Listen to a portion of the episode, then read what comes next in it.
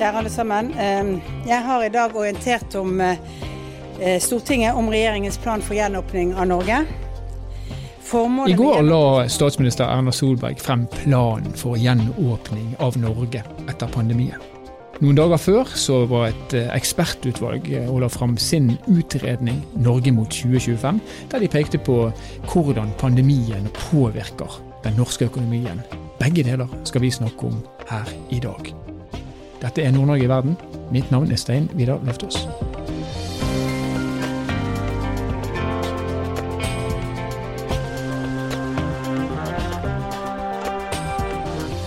Øystein Dørum han er sjefsøkonom i NHO, og han følger selvfølgelig pandemien og konsekvensene av pandemien svært tett. Og Nå er han med oss her i Nord-Norge i verden. Og Velkommen til oss, Øystein.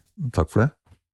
Du, Erna Solberg og regjeringen har nettopp lagt fram en plan for gjenåpning for Norge. Hva vil denne planen bety for eh, norsk næringsliv? Det gjenstår å se, er det gode svaret på det spørsmålet. Fordi at uh, her er, jo, tar jo forbeholdene nesten like mye plass som, som, selve planen. Og planen er jo uten noen tidsangivelser, hvilket jeg mener også er uh, klokt. Dette er en sånn vi setter tåa i vannet, og så ser vi hvor kaldt det er. Og hvis det er badetemperatur, så går vi litt lenger ut. Og hvis vi tror vi kan svømme, så går vi enda lenger ut, for å holde oss til den metaforen. Og det vi kan si for norsk næringsliv, er jo at eh, store deler av norsk næringsliv befinner seg fortsatt i en kriselignende situasjon, hvor omsetningen er tatt eh, fra dem. Eh, rett og slett fordi de ikke får lov til å ha gjester, overnattingsgjester, serveringsgjester og, og annet. Og jo raskere økonomien kan komme tilbake til en slags normal, og det er ikke bare avhengig av regjeringen, selvfølgelig, jo bedre vil det være for disse, disse, bedriftene. Vi pleier å si at sånn grovt regna hver sjuende av vår medlemsbedrift, de sliter veldig tungt. Men Erna sier likevel eh, sånt som f.eks. barn og unge kommer først, deretter næringslivet. Eh, hva tenker du om en sånn eh, litt sånn svart-hvitt-tilnærming til akkurat det? Jeg, jeg, jeg, tenker at det er blant de ting jeg ikke har så lyst til å mene noe veldig sterkt om. Altså det, det, denne krisen har jo vært eh, veldig særegen, i den forstand at den har ramma så ekstremt skeivt. Den har ramma de næringene, de bedriftene, og dermed også de ansatte som, som har med personrettet tjenesteyting å gjøre.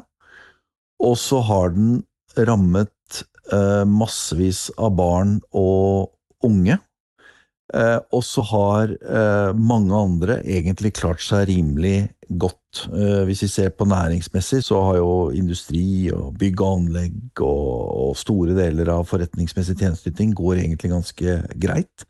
Veldig mange av oss har beholdt jobben, eh, flytta jobben hjem, beholdt lønn, eh, beholdt inntekt. Eh, fått mer å rutte med fordi renta har gått ned, fått enda mer å rutte med fordi det er så mye vi ikke kan bruke penger på. Eh, og så har du elever på videregående som eh, får helt andre undervisningsopplegg, eksamensopplegg, eh, studenter som knapt nok kommer i gang med studiene sine og, og sånn. Så i dette bildet her så vet jeg liksom litt sånn grovt hvem som har vært i relative termer privilegerte, og hvem som ikke har vært det. Og når man skal eh, gjenåpne, så kjenner jeg at jeg reagerer litt personlig på denne hangen til å få i gang fotballen og sånn, som jeg syns er mindre, mindre viktig. Eh, eh, og så tror jeg ikke at jeg skal mene veldig sterkt om, om, om, barn og unge opp mot, opp mot, bedrifter. Altså all den tid vi, vi så Vi trenger begge deler, altså. Mm. Der framme. Men du sier én av syv medlemsbedrifter i NHO har eh, fått seriøse og alvorlige problemer som en konsekvens av, eh, av, krisen. Og så vet vi at det gjennomføres eh, likelydende tiltak altså nær sagt over hele landet, og det finnes jo deler av landet der det nesten ikke er smitte.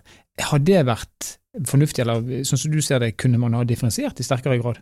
Ideelt sett så tror jeg nok man kunne ha differensiert i sterkere grad. Altså, eh, vi har vært ganske nøye med å understreke når vi har beveget oss inn i dette nokså uh, grumsete og, og, og, potente, og for ikke å si betente farvannet at vi har ikke smittefaglig kompetanse. Det er det andre som må, må, det andre som må vurdere hva som er riktig. Det vi har sagt, er at tiltakene må være forholdsmessige, altså tiltak som har store økonomiske konsekvenser, må også ha Eh, potensielt store medisinske konsekvenser eller smittemessige konsekvenser.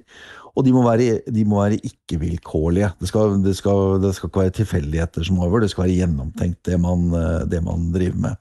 Og når vi ser på når, når, kommuner hvor det knapt nok er smitte, får de samme restriksjonene som kommuner hvor det er mye uh, smitte, så, så syns jeg jo det er vanskelig å rettferdiggjøre fra et smittefaglig perspektiv, som da ikke er mitt, uh, mitt fagområde.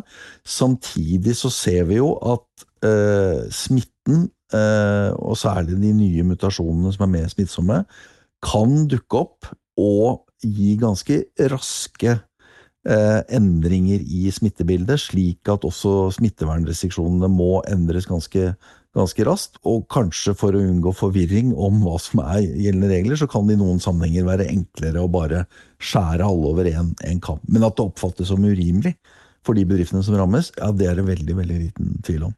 Mm. Hvis vi ser på statsstøtten, da, for Norge har jo valgt å bruke mye penger. Vi er jo i en heldig situasjon og kan bruke mye penger, og vi har valgt å bruke mye penger. Den støtten som har vært gitt til næringslivet, hvordan har den truffet? Det vil jo først ettertiden gi et godt uh, godt svar på. Den har truffet bra i den forstand at uh, den har bidratt til å hjelpe ellers sunne bedrifter gjennom en ekstremt krevende situasjon som de på ingen måte er skyld i sjøl. Altså det, det særegne med denne, denne, krisen har jo vært at det, det, er på en måte samfunnet som har stengt døra, direkte eller indirekte, med loven i hånd for å bekjempe en pandemi. Og så er det noen bedrifter som har stått i frontlinjen i dette forsvaret, og andre bedrifter som av naturlige årsaker ikke har befunnet seg der. Og, og, i så måte så har det vært riktig å kompensere, og støtten har dekket, og nå snakker jeg om kompensasjonsordningen, dekket en del av de faste kostnadene, og, og, gitt et slags bidrag til at en, en, bedrift, som under normale omstendigheter ville vært sunn og, og, og drevet normal virksomhet, den, den, kan overleve. Og så er det ikke noe tvil om at disse ordningene har fått mye kritikk. Eh, kritikk for at de virker konserverende, ikke omstillende. At de gir penger til eh, bedrifter som har tilgang på kapital fra andre kilder, som kan bruke kapitalmarkedet til å bygge bro over en sånn lavkonjunktur som vi står i, at man støtter bedrifter og ikke arbeidsplasser osv. Osv. Så sånn at det er åpenbart ulike meninger om, om dette. Fasit får vi først uh, i etterkant. Men, men, men, jeg mener at noe av kritikken bommer litt av to årsaker. altså Dels fordi uh, det var uforskyldt, det som skjedde. Dette lå, kunne ikke på en måte ligge inne i en, en risikovurdering av Eh, blir kundene mine borte? som er en sånn type normal risikovurdering. Og, eh, og, og, og, man kunne ikke stimulere til aktivitet, for noe, noe, av poenget var nettopp å ikke ha aktivitet. Av hensyn til å holde avstand mellom folk, av hensyn til, til, til smittevernet. Mm. Sånn at eh, Kunne vi ha brukt pengene smartere? Ja, helt sikkert. Eh, men, men, alt dette må ses i lys av at dette var ganske upløyd mark, og ting skjedde veldig fort da ordningene ble stabla på beina for et år siden. Og etterpåklokskap, det vet vi, det, det, er lett. Men vi skal switche til noe litt annet, fordi at du er en del av ekspertutvalget som ble satt ned for å se på hvordan konsekvenser virusutbruddet og tiltakene kommer til å ha på norsk økonomi i et bilde fram til 2025. Og Det arbeidet det la dere frem til eh, Finansdepartementet rett før påske. Hva er hovedtrekkene eh, i det arbeidet? Vi ble jo bedt om å se på hva man kunne gjøre for å få en best mulig vei tilbake, og med en horisont på 2025, uten at den har vært liksom helt eksplisitt i det arbeidet utvalget har gjort. Og for det formål så har man jo laget noen, eh, noen eller trukket på, er nok kanskje riktigere å si, noen beregninger av hvordan eh, den økonomiske situasjonen vil bli eh, fremover. Og de Prognosene er som alle andre prognoser. De er, de er, usikre, men viser vel grovt sett, som også andre, andre, steder Nå har jeg ikke tallene helt foran meg, det er kanskje ikke så viktig heller. At man eh, Vi har passert bunnen, vi er på vei oppover. eh, men eh, vi innenfor en rimelig horisont så når vi ikke tilbake til den vekstbanen vi var på før koronaen traff oss. Altså at vi, vi får et eller annet permanent tap. et permanent tap som, som har vært skeivt fordelt, altså jf. det vi snakket om i stad, med noen næringer som har fått båret større byrder enn andre, noen arbeidstakere som har båret større byrder enn andre, statskassa for den del, som også har tatt en ganske stor hit. Og så forsøker utvalget å si noe om hva er det som skal til for å eh, få økonomien på kjøl igjen? Altså hva er fornuftig politikk for å få økonomien på, på rett kjøl igjen? Og og der er det jo det å si at dette er et eh, økonomtungt utvalg. Det er et eh, utvalg som har tatt en slags policybeslutning om å være enstemmig, som betyr at man eh, kanskje ikke har de skarpeste konklusjonene. altså sånn Med unntak av kanskje dette forslaget om å fjerne taxfree på, på, på, på flyplassene, som, som, er lett å, å slutte seg til, så er det mer sånn generelle eh, vurderinger av eh, hva som er god politikk, og hva som er dårlig politikk. Og, og, det at vi har fått dette tapet, det at vi kanskje har fått svekket vekstevnen i økonomien, ja, det gjør det enda mer nødvendig å ha en fornuftig innretning av den økonomiske politikken. La markedet få virke. Ha et skattesystem med brede grunnlag og lave, lave satser fjerne de midlertidige støtteordningene så snart det er mulig å, å gjøre det. For vi kan ikke dra oss sjøl etter håret, vi kan liksom ikke subsidiere oss til velstand. Det er eh, konkurransen eh, om de beste ideene, om de beste hodene og alt mulig sånn, som skal gi oss vekst og velstand på sikt. Så i det så ligger det faktisk at eh, det å ha mye penger det kan være en hemsko. Hvis ikke man da fjerner subsidiene i tide, så vil man eh, kanskje sakke akterut eh, i den internasjonale konkurransen som vi jo selvfølgelig er en del av. Ja, dette er det man ofte benevner ressursrikdommens forbannelse. En forbannelse som Norge tilsynelatende i hvert fall har klart å unngå, men at mange av de landene som har blitt rammet av forbannelsen, fungerer jo på helt andre måter enn Norge. Har mye svakere institusjoner, mye dårligere demokratisk kontroll osv. Men, men det er, er, selvfølgelig sånn, og det, dette har vi jo sett de siste tiårene i Norge også, at pengerikhet gir en mulighet for å legge seg på en høyere forbruksbane, og som alle veit, at når du ikke behøver å snu på skillingen, så er du også mindre kritisk på hvor du bruker den siste krona. Du er ikke like opptatt av at også den siste krona eh, brukes mest mulig, mulig effektivt. Så, så, ja, det er en sånn latent fare der hele tiden for at man feildisponerer eh, penga. Men hvis vi ser på tapet Norge, altså verdiskapningstapet i Norge, sammenlignet med andre vestlige land, så kommer vi veldig godt ut. Altså Vi har et mye lavere tap enn hva det de landene vi normalt sammenligner oss med. Hvorfor er det sånn? Det er øh, Hva skal vi si? Eh, det er et par, par årsaker som er trukket fram. Altså det, det, ene er jo at vi har øh, klart å kontrollere pandemien på en, eh, på en, god måte. Altså, vi har hatt få smittetilfeller, og vi har hatt få dødsfall. Og, og det skal ikke undervurderes. Altså, mange kobler eh, aktivitetsendringer til nettopp smittevernstiltak, eh, men, men, hvis vi hadde hatt en, en, pandemi i fri utfoldelse, så hadde vi også sett selvpålagte eh, restriksjoner som hadde påvirket den økonomiske aktiviteten. Så handler det om de store støttetiltakene som er eh, satt i verk. Og så handler det jo også om eh, næringsstrukturen vår. Vi er et av de landene som er langt framme digitalisert. Forskerne sier at omtrent 40% av jobbene våre de kan gjøres hjemmefra. Og de landene som hadde en høy andel jobber som kunne gjøres hjemmefra, de flytta og dette er jo helt enestående. Jeg er fortsatt litt sånn uh, mildt begeistret over det som skjedde. Men altså, uh, jeg kan ikke komme på eksempler i nyere tid hvor man har hatt en sånn en så vesentlig stille revolusjon, altså hvor man nærmest over natten sa til folk at uh, nå tar vi bare nå, nå, tar du med deg produksjonsutstyret hjem, mm. og så gjør du jobben din hjemmefra og ikke, ikke her. Ikke Sentralbanker, finansdepartement, store bedrifter har vært drevet hjemmefra på en helt annen måte enn vi har, har sett eh, på noe tidspunkt tidligere, og det ville heller ikke vært mulig for en 10-20 år siden. Men tilbake til spørsmålet ditt, så gjorde jo det at Eh, land som Norge og, og tilsvarende hadde større muligheter til å opprettholde produksjonen når pandemien eh, traff oss. Mm. Det er I Nord-Norge, i den regionen som eh, denne podkasten har sitt eh, utspring i, så sier man at nordnorsk økonomi har egentlig vært redda litt av det faktum at krisen har ført til at valutaen vår har blitt svekka, og det har gjort oss konkurransedyktige på det vi eksporterer. Er det sånn at det nesten ikke kan gå galt for Norge, uansett hva som skjer? Ja, Det er et godt eh, spørsmål. Det er selvfølgelig ikke riktig. Altså, det vil jo, vi kan også oppleve kriser. Vår, eh, vil jeg nok si altså Juryen er fortsatt ute eh, når det gjelder vurdering av denne krisen, men altså vår alvorligste krise var egentlig den vi hadde på slutten av 80-tallet. Etter jappetid og lånefest og, og, og sånne ting. Så vi, vi, kan stille oss slik at vi får eh, høy og, og langvarig ledighet. og og det gjenstår å se hvor lenge ledigheten holder seg høy nå.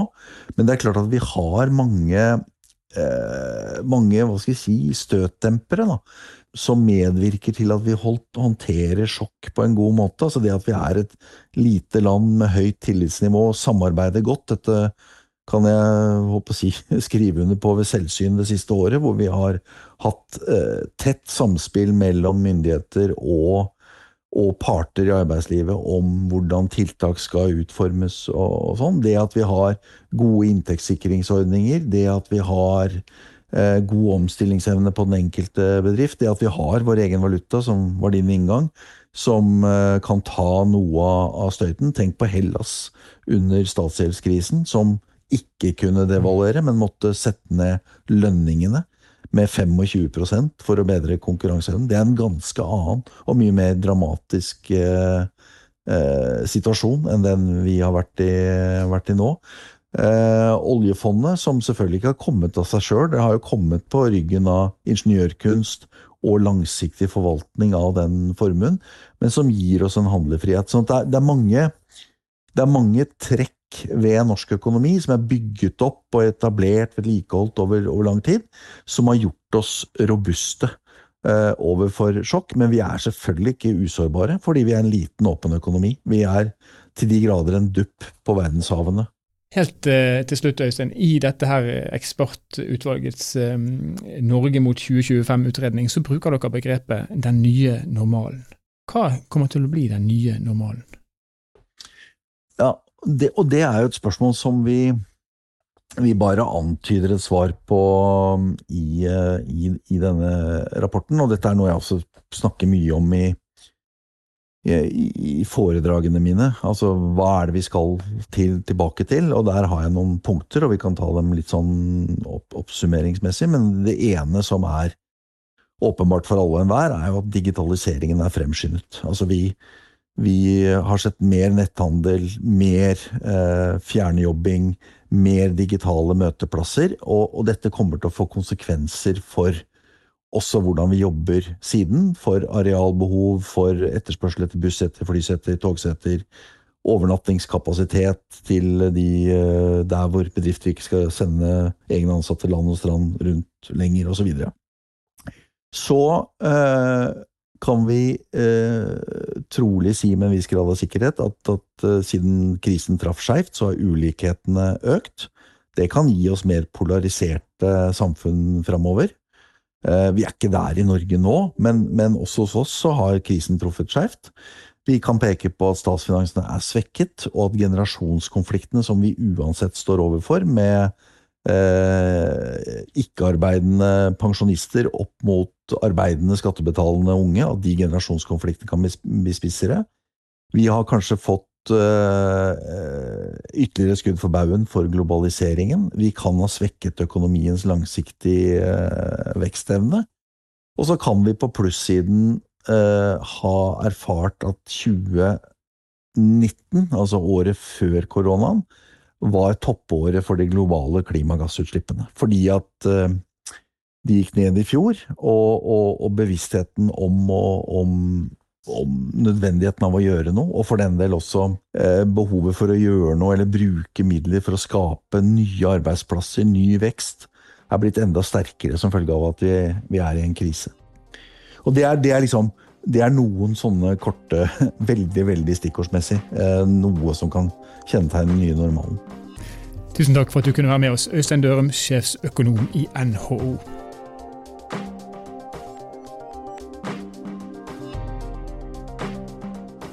Norge skal altså åpnes i fire trinn med tre uker mellom hvert av trinnene, hvis eh, alt går som man da håper imellom hvert av trinnene. Eh, og så får vi se da når vi passerer sommeren og kanskje litt ut på høsten. Eh, da kan vi kanskje gjøre opp regnskap og begynne å se på hva har pandemien medført? Hva har den kosta Norge? Hva har den skapt av varige endringer? Litt beroligende er det i hvert fall å høre på Øystein Dørum, som langt på vei sier at Norge har gjort veldig, veldig mye riktig.